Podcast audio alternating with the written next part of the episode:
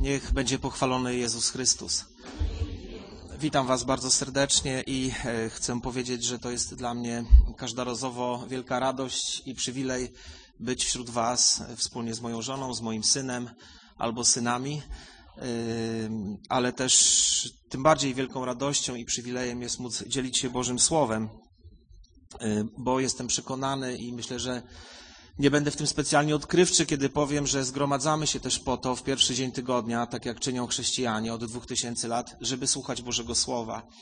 Ono jest tym, co nas karmi, ono jest tym, co nas poucza, ono jest tym, e, mm, które ma wytyczać szlaki naszego życia i dzięki Bogu za, za Jego święte Słowo.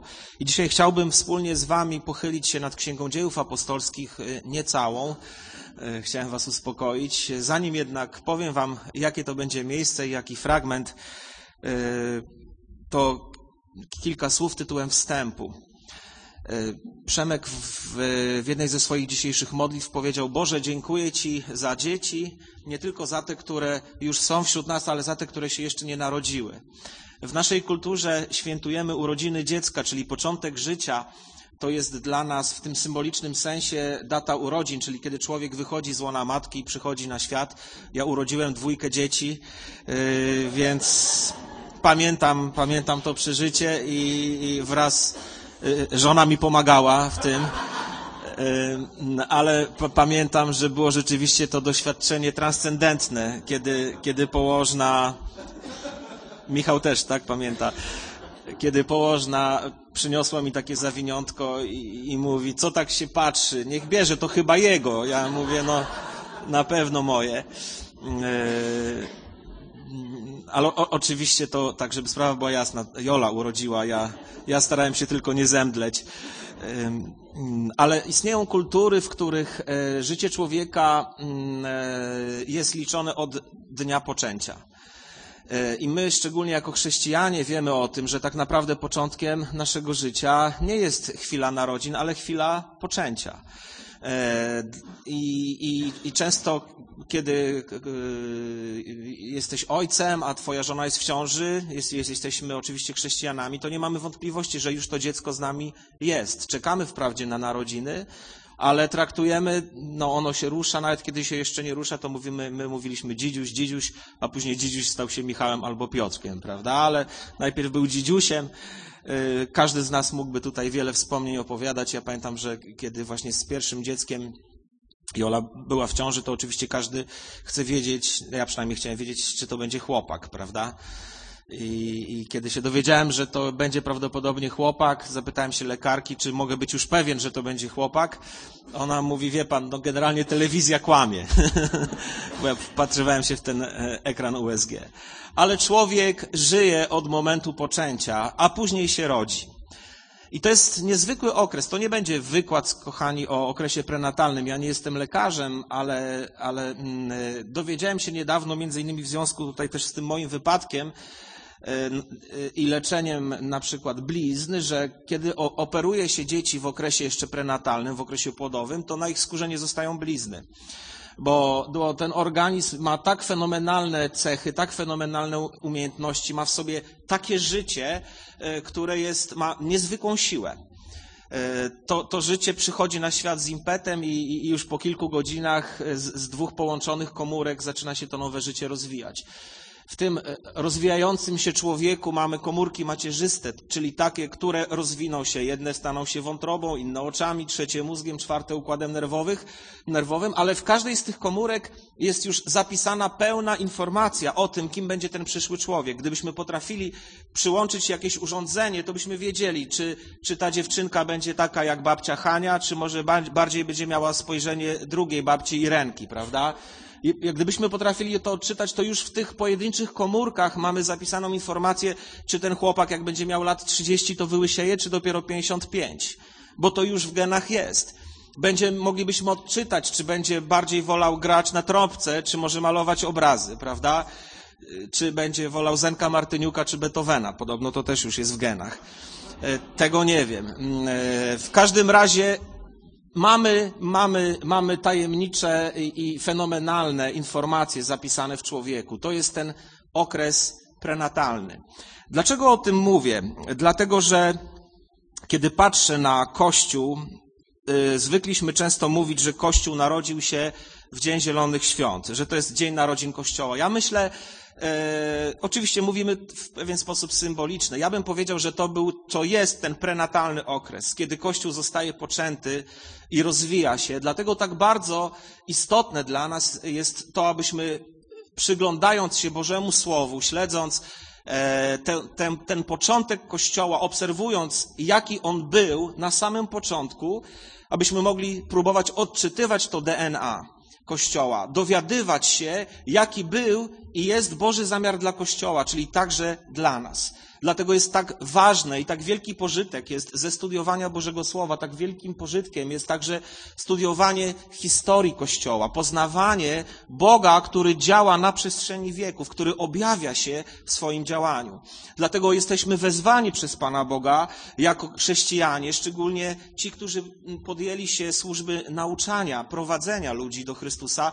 Jesteśmy wezwani do tego, żeby w sposób gruntowny, uczciwy, poważny, wgłębiać się w to słowo, żeby nie głosić ludziom objawień własnych serc, naszych własnych pomysłów na Kościół, tego jak nam się wydaje, że powinno być, bo mi się coś przyśniło, bo tak mi się wydaje, bo tak poczułem i tak dalej, i tak dalej. Jak to mówi mój kolega, który nie lubi zielonoświątkowców, bo wy zielonoświątkowcy najecie się wieczorem kiełbasy i później w nocy macie sen i rano mówicie, że to Pan Bóg dał wam objawienie.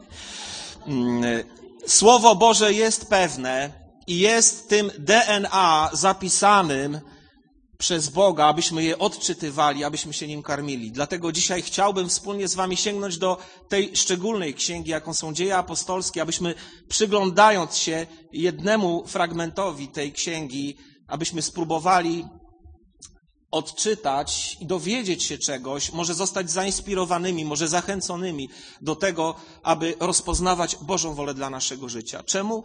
Dlatego, że to życie, które Chrystus włożył w Kościół od momentu poczęcia do dzisiaj, bo Kościół cały czas żyje i trwa, to życie wychodzi do świata. Słyszeliśmy przed chwilą niesamowite świadectwo Piotra czy świadectwo Oli. To życie jest to życie, to, że ktoś znajduje człowieka, którego, na którym wszyscy postawili już kreskę, który gdzieś tam żyje na wysypisku śmieci, w sensie dosłownym czy przenośnym, bo wierzcie mi, ludzie mogą żyć na wysypisku śmieci, ubrani w drogie garnitury, jeżdżący drogimi samochodami i też żywią się świńskim omłotem.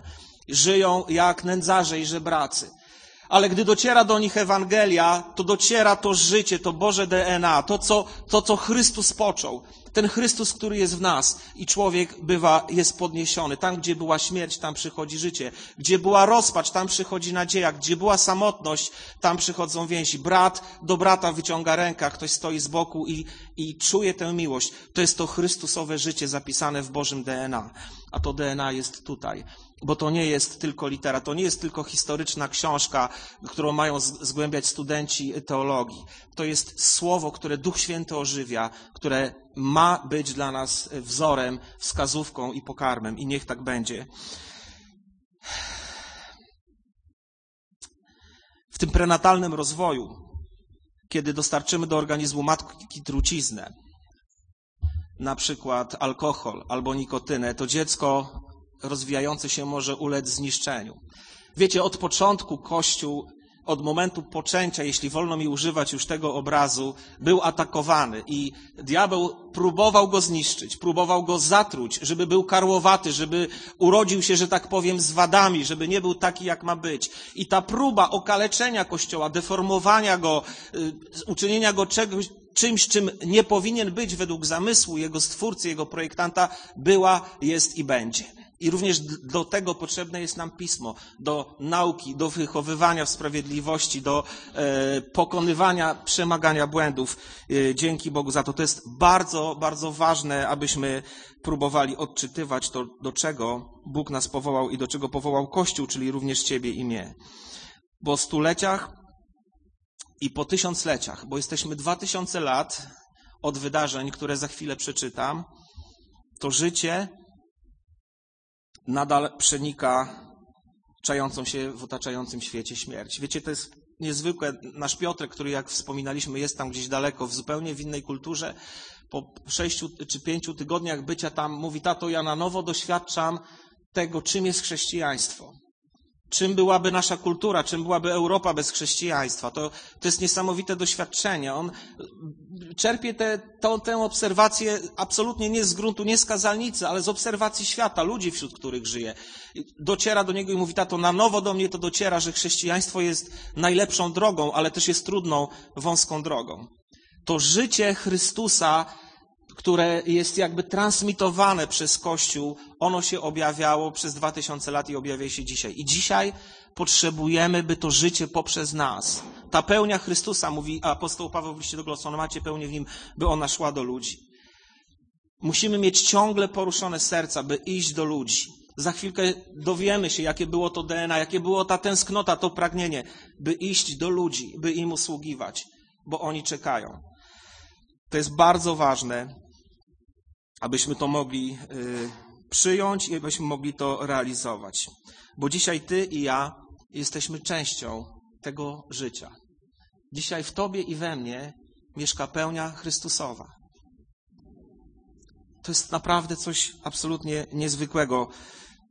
Tutaj jeden z braci w czasie naszego śpiewu mówi: Boże, dziękuję Ci za ten wyrzut, że za mało o Tobie mówimy, że za mało o Tobie mówię. To jest, to jest bardzo ważne. Dobrze, że Pan Bóg nam to przypomina, abyśmy szli do ludzi, abyśmy wydawali owoc, bo dzisiaj Ty i ja jesteśmy wezwani, aby być częścią tego ciała, tej zwycięskiej armii, którą Bóg powołał, tej pięknej, czystej, nieskalanej dziewicy, którą jest Kościół, tej olubienicy baranka. To jest naprawdę wspaniałe, chwalebne i powiem Wam szczerze, ekscytujące i fascynujące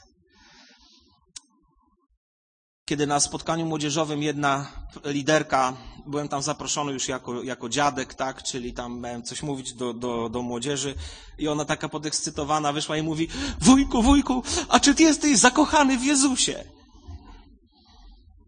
Ja mówię, wiesz co, chyba, chyba nie.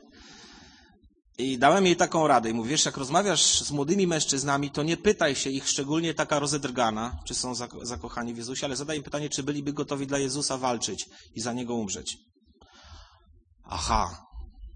Myślę, że wielu mężczyznom byłoby łatwiej na to odpowiedzieć. Nie do końca odnajdują się w rozegzaltowanym świecie e, emocji, I, I, ja zauważam to, że, że mm, wiecie, dlatego Chrystus nas wzywa nie tylko, żebyśmy byli w Nim zakochani, ale żebyśmy byli też Jego wojownikami.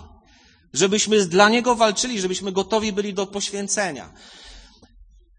Trochę więcej tej, powiedziałbym, męskiej narracji, która jest potrzebna, żeby młodzi mężczyźni nie odchodzili z kościoła. Y, I to wszystko znajdujemy w tym DNA, to wszystko znajdujemy w tym, y, co jest w Słowie Bożym. Tytuł mojego kazania brzmi Zanim zatrzęsły się mury. Otwórzmy czwarty rozdział dziejów apostolskich.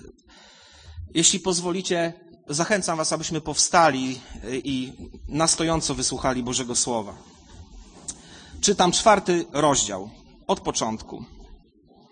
A gdy oni, czyli Piotr i Jan, przemawiali do ludu, podeszli do nich kapłani, dowódca straży świątynnej oraz saduceusze byli oburzeni, że nauczają lud i głoszą, że zmartwychwstanie jest w Jezusie. Schwytali ich zatem i osadzili pod strażą do następnego dnia, ponieważ zbliżał się wieczór.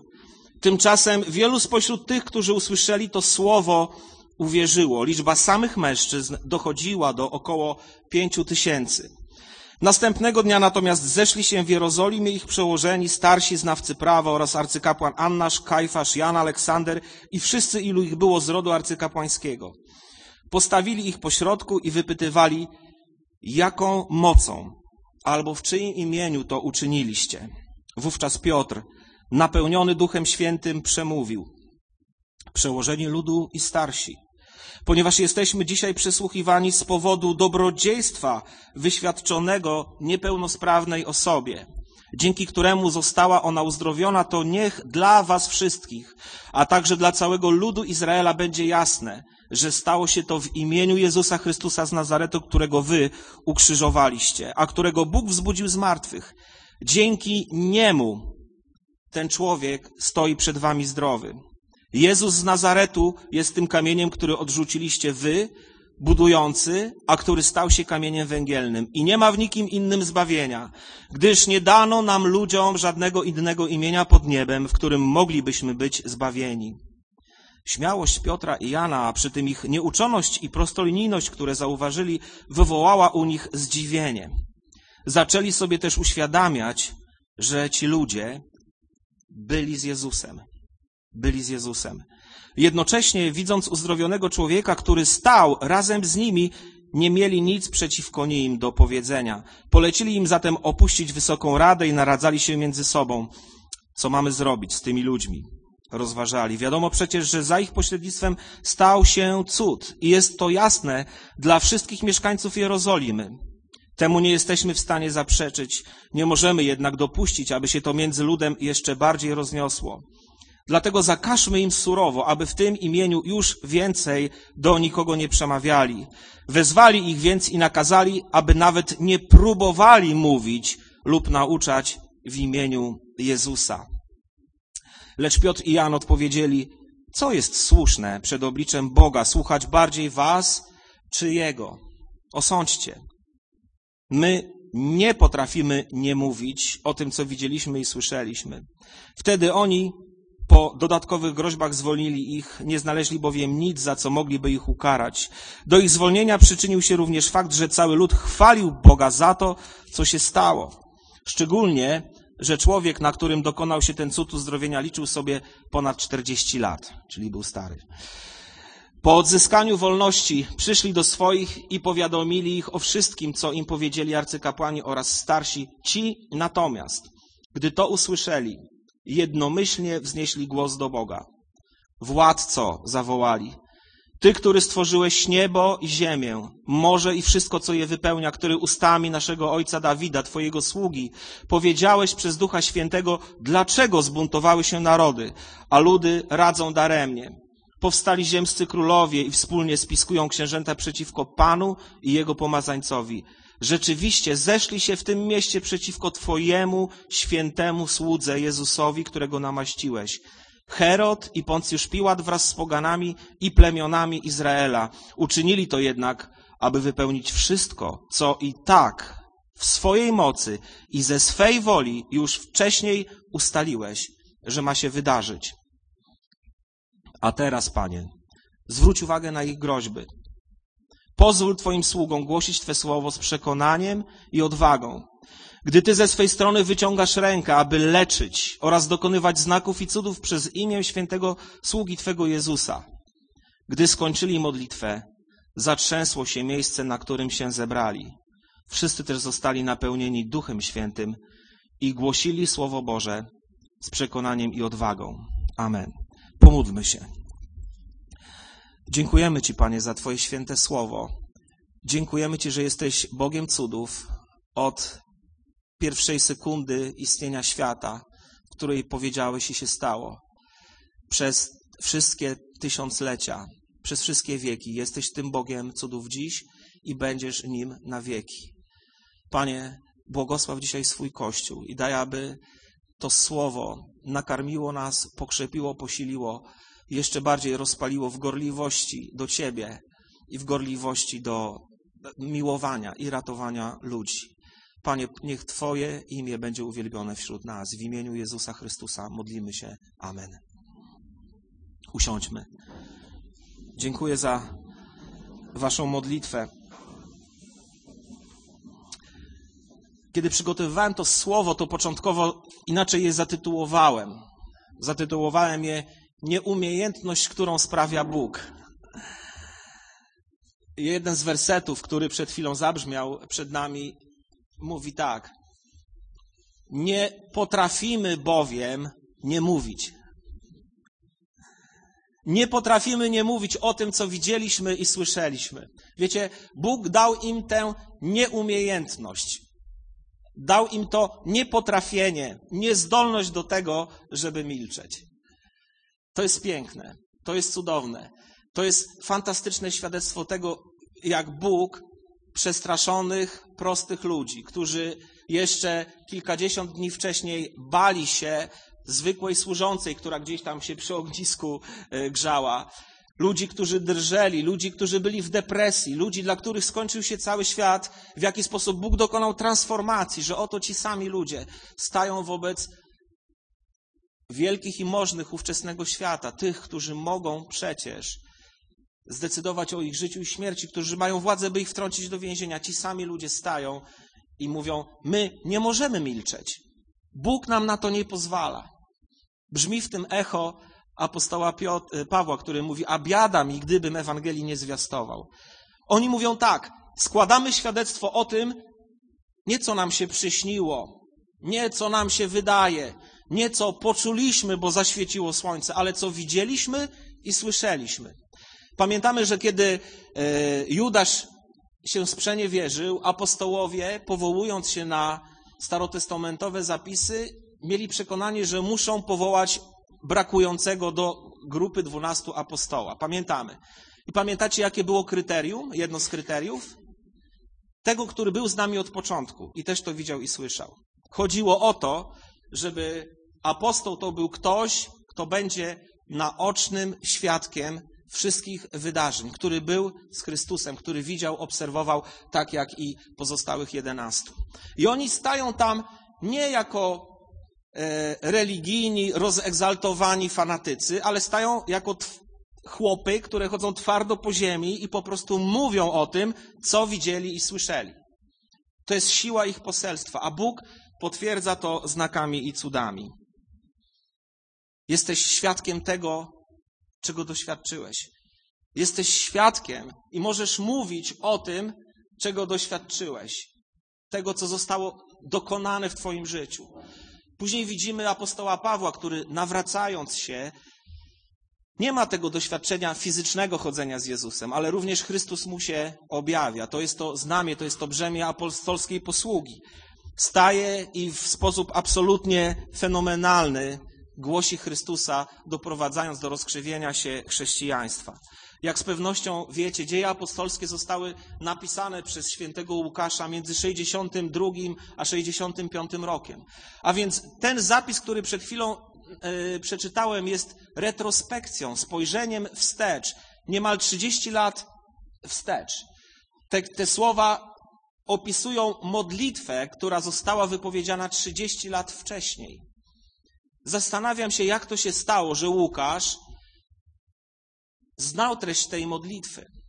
Czy ktoś ją wtedy nagrał i wrzucił na stronę internetową zboru w Jerozolimie?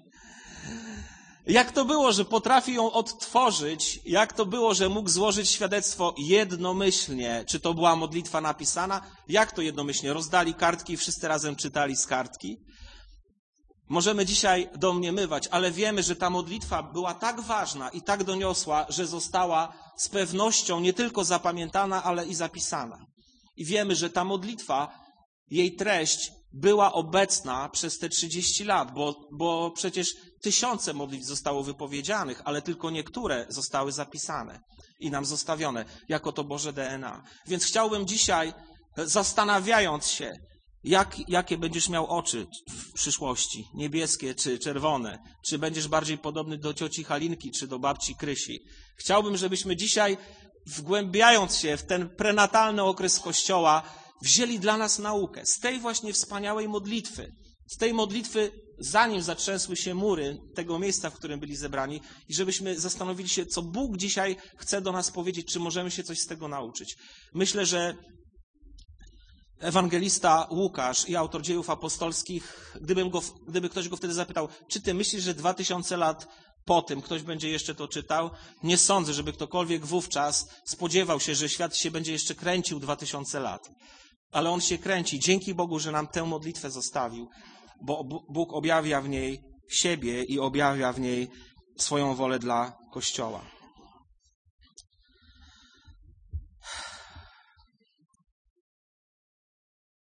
ta modlitwa wypowiedziana jest w szczególnym momencie. Mamy eksplozję Kościoła. Myślę, że każdy kaznodzieja chciałby być tak skuteczny, jeśli mogę użyć tego słowa, chociaż to słowo skuteczność jest, myślę, przereklamowane.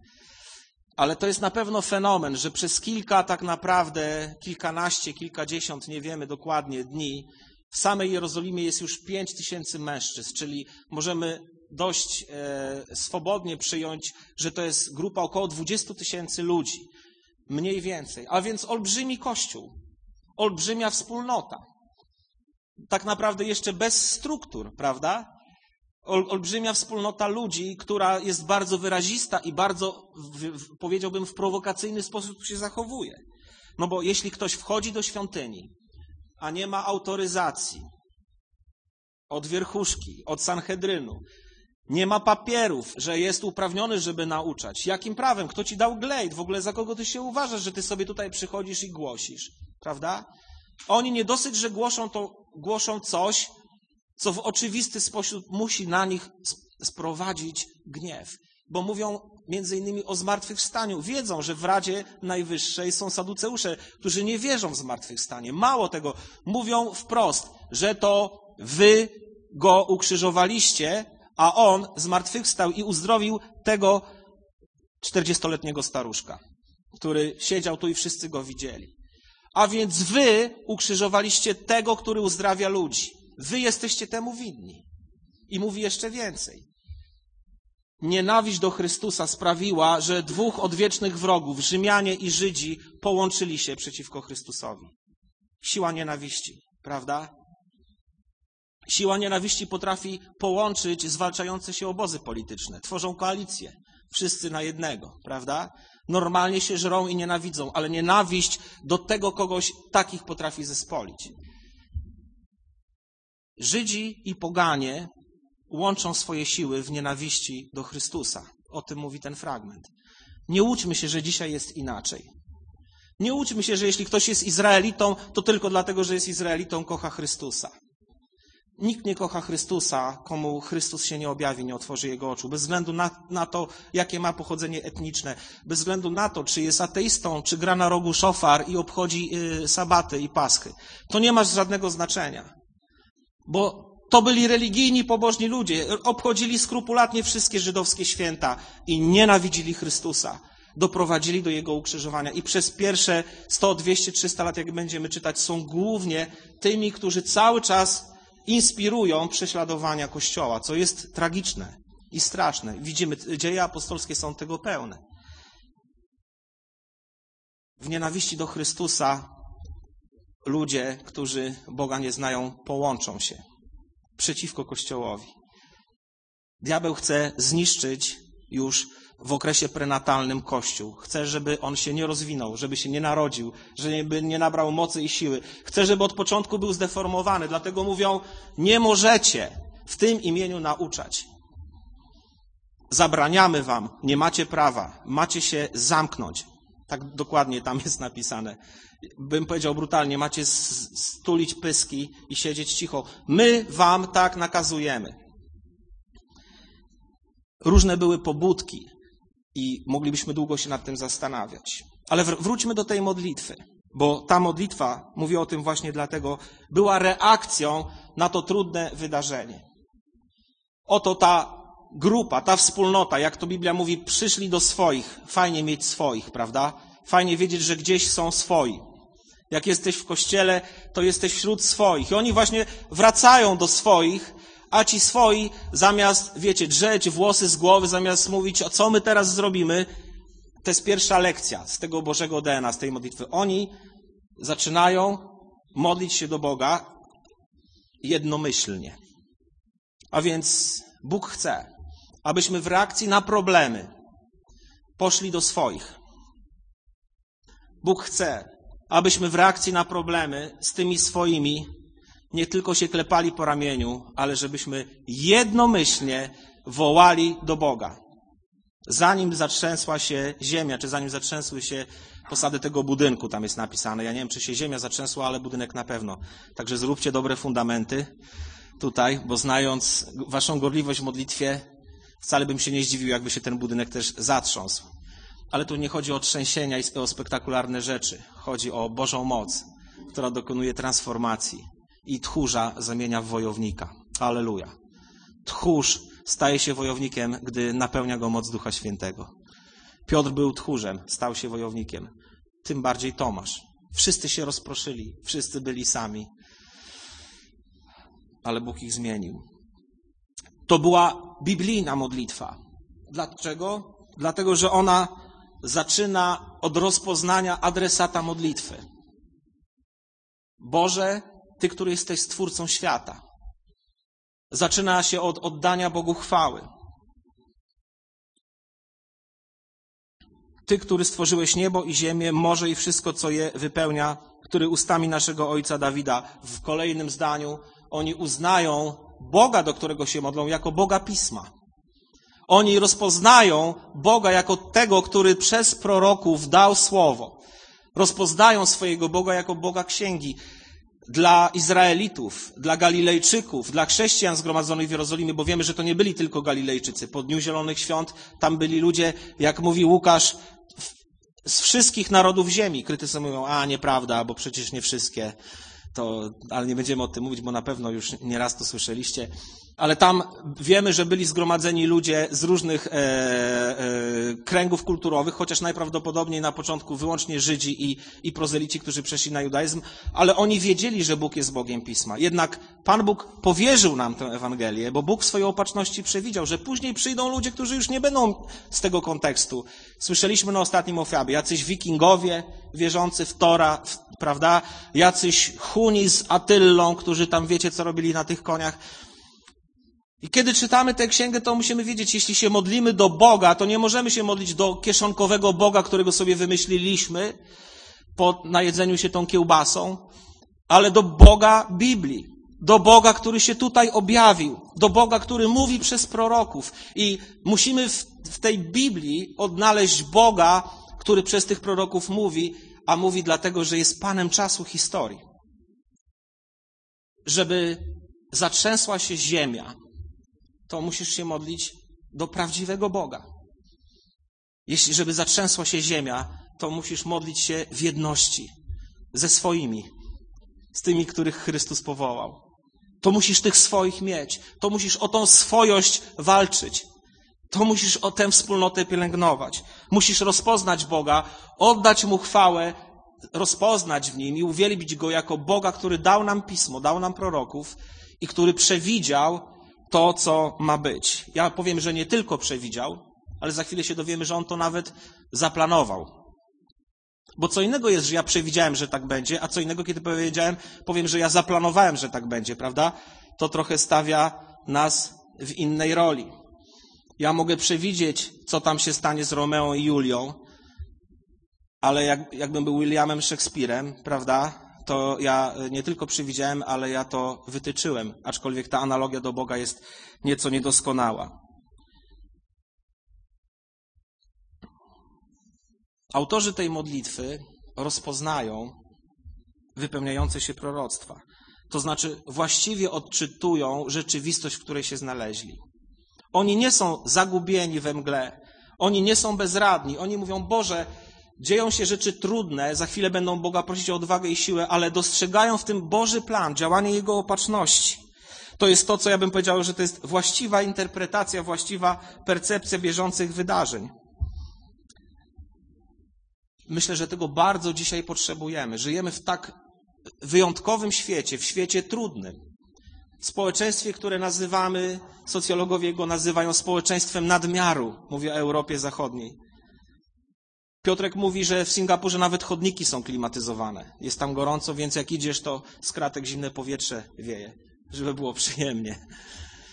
Społeczeństwo dobrobytu, społeczeństwo nadmiaru, społeczeństwo, w którym ludzie mają wszystko. To, o czym nasi dziadkowie i pradziadkowie mogli tylko marzyć. Codziennie mięso, wygodne samochody, stacje benzynowe, na których nie ma kolejek.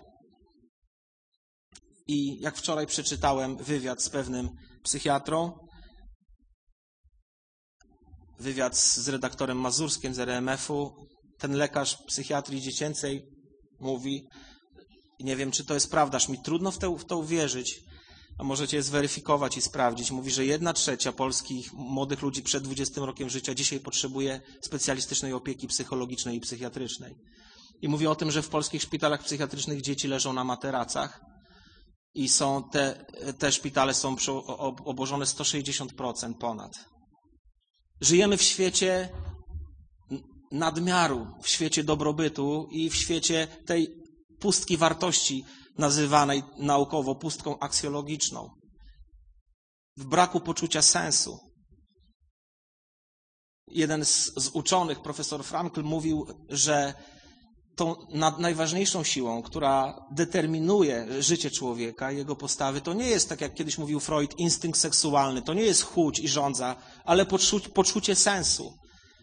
Człowiek mający poczucie sensu przetrwa obóz koncentracyjny. On właśnie przetrwał.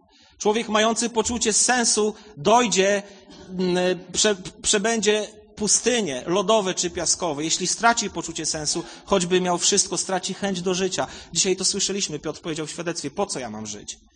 Ja nikomu nie jestem potrzebny. Po co ja mam żyć? I to jest dzisiaj to. Mamy na, jesteśmy na drugim miejscu w Europie, jeśli chodzi o bezwzględną liczbę samobójstw, skutecznych samobójstw.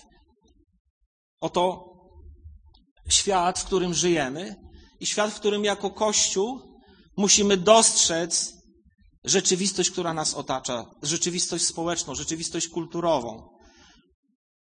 Musimy ten świat znać, rozumieć go i być gotowym, by temu światu służyć. Jednocześnie mając świadomość, że będą siły i będą ludzie, którzy będą mówili: zamknij się, nie mów, Jakim prawem to robisz?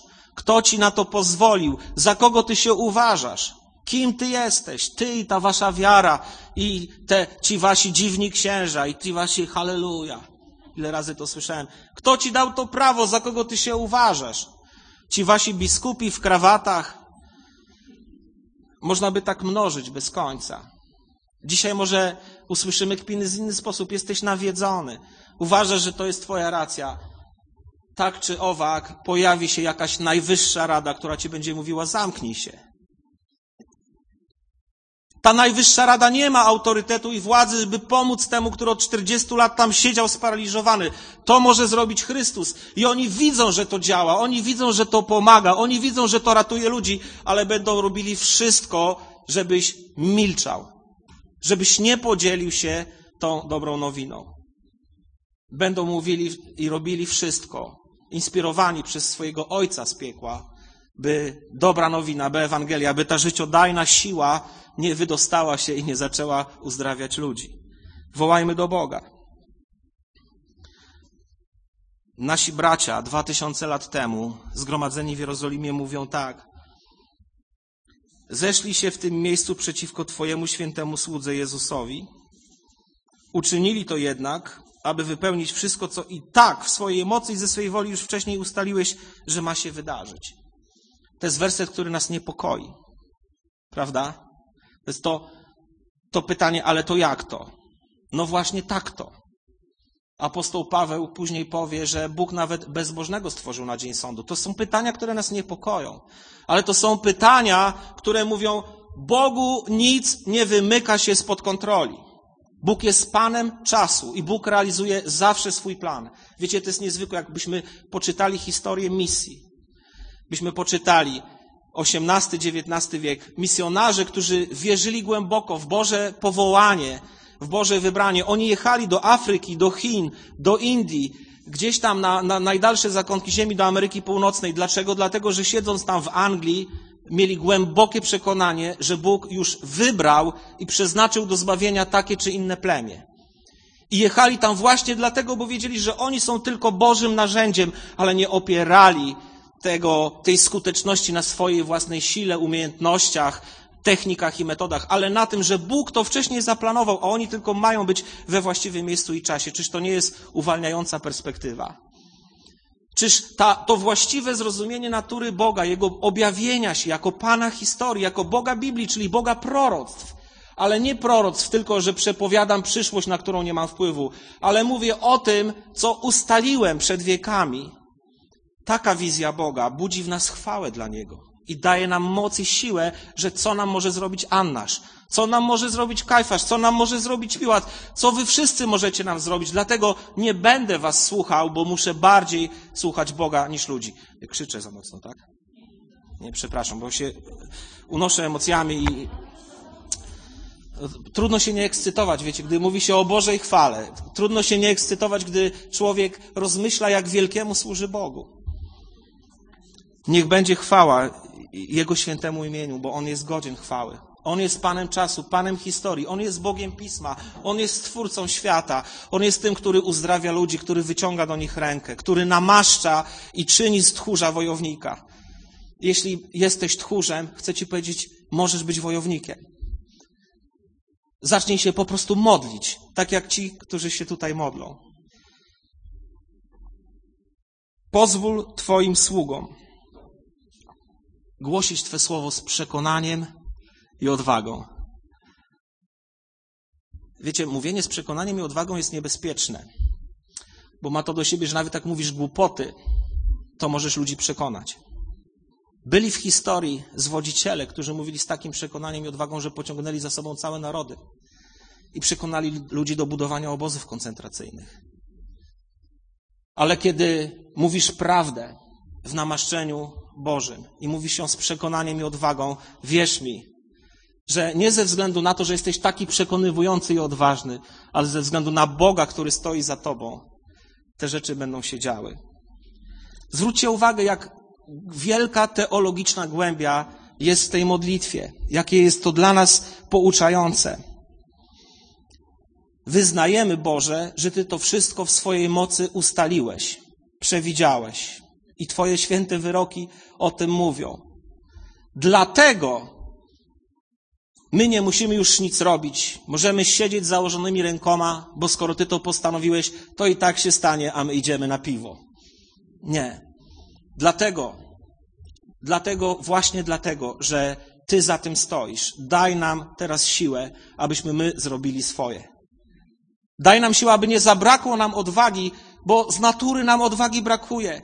Daj nam siłę, abyśmy głosili z przekonaniem, bo z natury tego przekonania nam brakuje, bo tak chcemy, wiesz, Pan Bóg jest dobry, zaufaj Mu, będziesz miał wspaniałe życie.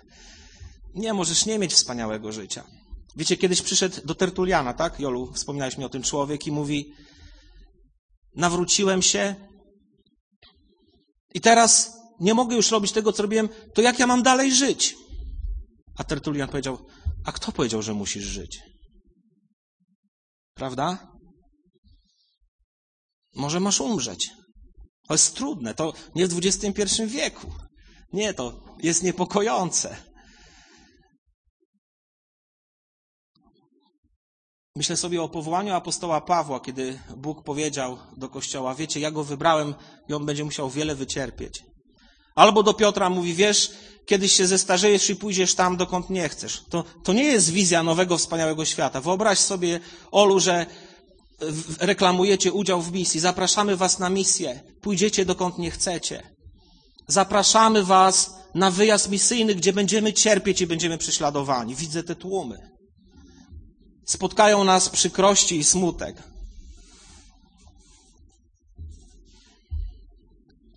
Bóg nas zna. Wezwał nas każdego po imieniu. Postawił nas w tym mgnieniu oka, którym jest nasze, jak Bóg da, 70-80 lat życia, niektórym dłużej, niektórym krócej. Postawił nas w tym miejscu, w tym skrawku najpiękniejszym kuli ziemski, jakim jest Polska, już nie mówiąc o Warmii i jej stolicy Fromborku. Abyśmy głosili Jego słowo tu, czy gdziekolwiek Bóg nas powoła przekonanie o tym, że Bóg jest wszechmogący i że może wszystko nie rodzi w nas bierności, ale wrodzi w nas siłę i odwagę, bo wiemy, że nikt i nic nas nie może zatrzymać. Amen. I to jest cudowne. I właśnie taka modlitwa, która zwraca się do właściwego adresata, rozpoznaje Boga jako Boga mocy, Boga Stwórcę, rozpoznaje Boga jako Boga Pisma, rozpoznaje Boga jako Boga proroków, Rozpoznaje Boga jako tego, który panuje i bez, który sobie nie zrobił drzemeczki i coś się wydarzyło, bo, bo diabeł mu zrobił psikusa. Nie. Taka modlitwa wieńczy się tym, a teraz Boże, daj nam siłę, abyśmy nie ustali. Siła do duchowego głoszenia Ewangelii przychodzi wtedy, kiedy człowiek rozpoznaje właściwy, właściwy sposób Boga. To poznanie przychodzi, się, trzęsą się te mury, te, że trzęsie się trzęsie się, trzęsą się te mury, te ściany, ale ten ostatni wiersz, że oni zostali napełnieni Duchem Świętym. Niedawno była pięćdziesiątnica. Niektórzy mówią, wiecie, to było raz i koniec. Ci ludzie doświadczyli napełnienia i języki z ognia spoczęły na każdym z nich. I ta odwaga była. Mija kilka dni, przychodzi kolejne namaszczenie. Kiedy człowiek woła, Bóg przychodzi na nowo. Dzisiaj, jutro, codziennie potrzebujemy wołać do Boga. Nie dlatego, że pożądamy spektakularnych, mistycznych doświadczeń na naszych zgromadzeniach, ale dlatego, żebyśmy szli i wyciągali tych ludzi z bagna. Po to było namaszczenie, po to była pięćdziesiątnica. Oni zaczęli mówić innymi językami, ale to nie był niezrozumiały bełkot. Ludzie, którzy stali wokół, mówili, słyszymy, jak każdy, jak każdy z nich głosi wielkie dzieła Boże. Gdy ten wielki szum gwałtownego wiatru przyszedł, jakby szum, to Biblia mówi, że ten szum sprawił, że ludzie usłyszeli ten podmuch wiatru i przyszli zaciekawieni. I mówi o tym, że ludzie z górnej izby, gdzie byli zgromadzeni pod wpływem Ducha Świętego, nie zrobili sobie tam cool worship, tylko wyszli do ludzi i głosili wielkie dzieła Boże. I ci ludzie, którzy byli na zewnątrz, mówili: Wow, Słyszymy, każdy z nas w swoim języku, 15 krain jest tam wymienionych, głoszących wielkie dzieła Boże. To jest pięćdziesiątnica, to jest ruch zielonoświątkowy, to jest przebudzenie, to jest misja, to jest ewangelizacja, to jest rozpoznanie Boga jako Boga pełnego mocy, to jest gotowość, by cierpieć, to jest gotowość, by zostawić wszystko i iść za Chrystusem, to jest gotowość, by zatrzymać się przy człowieku, który jest wrakiem, Halleluja. Niech Bóg, kochani, da nam miłość codziennie, nową porcję odwagi, codziennie nową porcję miłości. Niech Bóg da nam żar i siłę, byśmy głosili Ewangelię naszym yy, współobywatelom, współrodakom, rodzicom, rodzeństwu, ludziom, z którymi pracujemy. Niech Bóg da mi i Tobie siłę, żebyśmy nie rozczulali się nad sobą. Powiem Wam, Może nie powinienem tego mówić w, na gościnnych występach, ale czasami jak jeżdżę po zborach, widzę ten dobrobyt, w którym żyjemy i słyszę modlitwy, Boże, jak te problemy my mamy, po prostu nam jest tak ciężko, ale Ty nas przeprowadzasz przez te wszystkie problemy. Ja nie drwię. Ja nie chcę banalizować, bo wiem, że można mieć wszystko i zmagać się z problemami. Słuchajcie, ale Wierzcie mi, te problemy, jakie my dzisiaj mamy, to w wielu zakątkach świata ludzie by uznali za błogosławieństwo. Niech Duch Święty stępuje, niech nas pociąga, abyśmy może mniej, powiem o sobie, to jest moją modlitwą, żebym nie był tchórzem. To jest moją modlitwą, żebym miał odwagę zostawić to, co mnie wiąże ze mną samym i iść do ludzi. Tak bym chciał, kiedy patrzę na moich współpracowników, wiecie, ilu ludzi, ilu nauczycieli zmaga się z ciężkimi problemami. Ja dziękuję Bogu, że mogę się dzielić z nimi Ewangelią. I modlę się i wierzę, że wy też się modlicie, żeby Bóg otworzył ich oczy, bo mają naszpikowane głowy milionami różnych teorii, prawda? Jakieś moce, energie, cuda, wianki i tak dalej, i tak dalej. To im nie przynosi pokoju, ukojenia, ale potrzebują, kiedy przychodzi Chrystus, to wszystko się zmienia. Wszyscy zostali napełnieni Duchem Świętym i głosili Słowo Boże z przekonaniem i odwagą. I ostatnia moja refleksja jest taka. W jednym miejscu dziejów apostolskich Łukasz mówi, że apostołowie głosili z mocą i siłą. A w tym miejscu mówi, że kto? Wszyscy. Wszyscy. Wszyscy jesteśmy do tego powołani ale nie mówię teraz, żebyście rozeszli się z poczuciem winy jeszcze większym i powiedzieli, ale ja mało głoszę. Mówię to po to, abyśmy za chwilę stanęli i poprosili Boga. Bez względu na to, czy się zatrzęsie, czy nie. Nie czekajmy na trzęsienie ziemi. Czekajmy na trzęsienie ziemi w naszych sercach i w naszych umysłach. Abyśmy mogli iść i tak jak robimy to do tej pory i jeszcze więcej, dzielić się dobrą nowiną jako świadkowie dobrą nowiną, że jest w Jezusie Chrystusie zbawienie, że jest nadzieja dla człowieka, że jest przebaczenie grzechów, że On nadchodzi, że będzie sądził żywych i umarłych, a każdy, kto będzie wzywał Jego imienia, będzie zbawiony. Modlę się, aby Bóg dał nam mądrość, jak dotrzeć do tych naszych gotów i wikingów dzisiejszych, którzy nic nie rozumieli z tego, jak słyszeliśmy ostatnio na Ofabie, co im tam e, wychowani w kulturze żydowskiej czy greckiej misjonarze mówili. My dzisiaj żyjemy w takim świecie, który się kulturowo pogubił, w świecie, którym każdy pod jednym słowem rozumie 15 różnych rzeczy. Były teraz walentynki w piątek, zapytaliśmy się dzieci, z, czym się wam kojarzy słowo miłość? To, to najmłodszy z nich, Hubercik, powiedział z całowaniem. tam, były lepsze, dziewczynki już tam mówiły z wiernością, z czym tam jeszcze? Z uczuciem, tak. Chłopcy nie wiedzieli w ogóle, co powiedzieć. To później pewne rzeczy osiągają. Żyjemy w takim pogubionym świecie. Co myślicie o tym, żebyśmy mieli teraz czas modlitwy? Co myślicie o tym, żebyśmy poprosili Pana Boga o to, by nas używał? Co myślicie o tym, żeby teraz zawołać do Pana, o naszych bliskich? Niech Bóg na nowo da nam nadzieję, że ich zbawienie, może modlimy się wiele lat, jest możliwe. I to nie chodzi, wiecie, o motywacyjny speech. Ja wam tego nie chcę fundować. To nie po to mówię to kazanie. Ale chcę, żebyśmy opierając się na Słowie Bożym i na Bogu, który jest Bogiem tego Słowa, zaufali Mu, że wszystko, co On obiecał, ma moc uczynić i uczyni. Halleluja. Nie musimy polegać na sobie, ale w Nim położyć ufność. Powstańmy.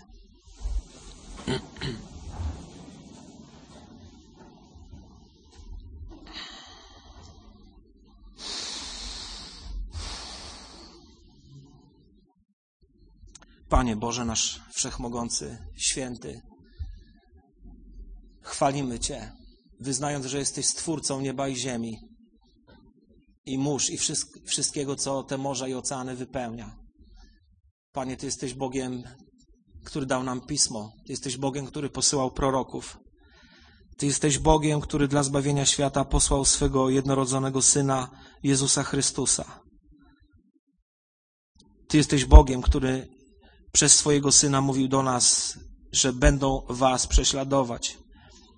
Ty jesteś Bogiem, który przez Jezusa Chrystusa powiedział, że będziemy kłaść ręce na chorych, oni będą uzdrowieni. Ty jesteś Bogiem, który posłał życie do świata pełnego śmierci. Panie, uwielbiamy Cię za to dzisiaj. Chwalimy Cię i adorujemy, wywyższamy Twoje święte imię, Panie. Panie, dzisiaj nas nikt nie prześladuje, nie grozi nam więzieniem, ale i tak w naszych sercach, w moim sercu, brak czasem gorliwości, żaru, odwagi i przekonania. O to dzisiaj Cię prosimy na nowo. Na dziś, na jutro i na każdy dzień naszego życia, tak długo jak przyjdzie nam na tym świecie żyć. Wzbudź w nas, Panie, tę odwagę, to przekonanie. Wzbudź w nas Panie, i naucz nas właściwego obrazu Ciebie, kim jesteś, czym są Twoje odwieczne zamysły. Chwalimy Cię jako Boga historii, jako Pana czasów, jako tego, do którego należy zawsze ostatnie słowo. Panie, dozwól sługom swoim, aby z odwagą i z przekonaniem głosili słowo o Jezusie Chrystusie, który żyje i króluje. Panie, proszę Cię o wszystkich nas. Proszę Cię o Twój Kościół, o Twój lud, wszędzie tam, gdzie chrześcijanie się zgromadzają, wygłosić Ewangelię. Prosimy Cię o tą naszą utuczoną, sytą i pogubioną Europę. Prosimy Cię o przebudzenie, prosimy Cię o wstrząs, prosimy Cię o odnowę. Prosimy Cię, Panie, o to, abyś uczynił cud i otworzył ludzkie serca dla Ewangelii. Boże Wszechmogący, błogosław nas i użyj nas w tym świecie tak jak używałeś naszych braci i sióstr dwa tysiące lat temu i przez te minione tysiąclecia, i jak będziesz używał tych, którzy przyjdą po nas. Boże, przed Twym tronem dzisiaj klękamy. Przed Twym tronem dzisiaj wyznajemy, że wszystko, co mamy, pochodzi od Ciebie. Twoja jest moc, Twoje jest królestwo, Twoja jest chwała, Twoja jest potęga na wieki wieków. Panie, i Tobie chcemy za to wszystko oddać chwałę. Dzięki Ci za Twoje słowo. Dzięki Ci za ten przykład za tą inspirację, którą nam zostawiłeś. Dzięki za Twoją świętą księgę, która jest dzisiaj dla nas życiodajna.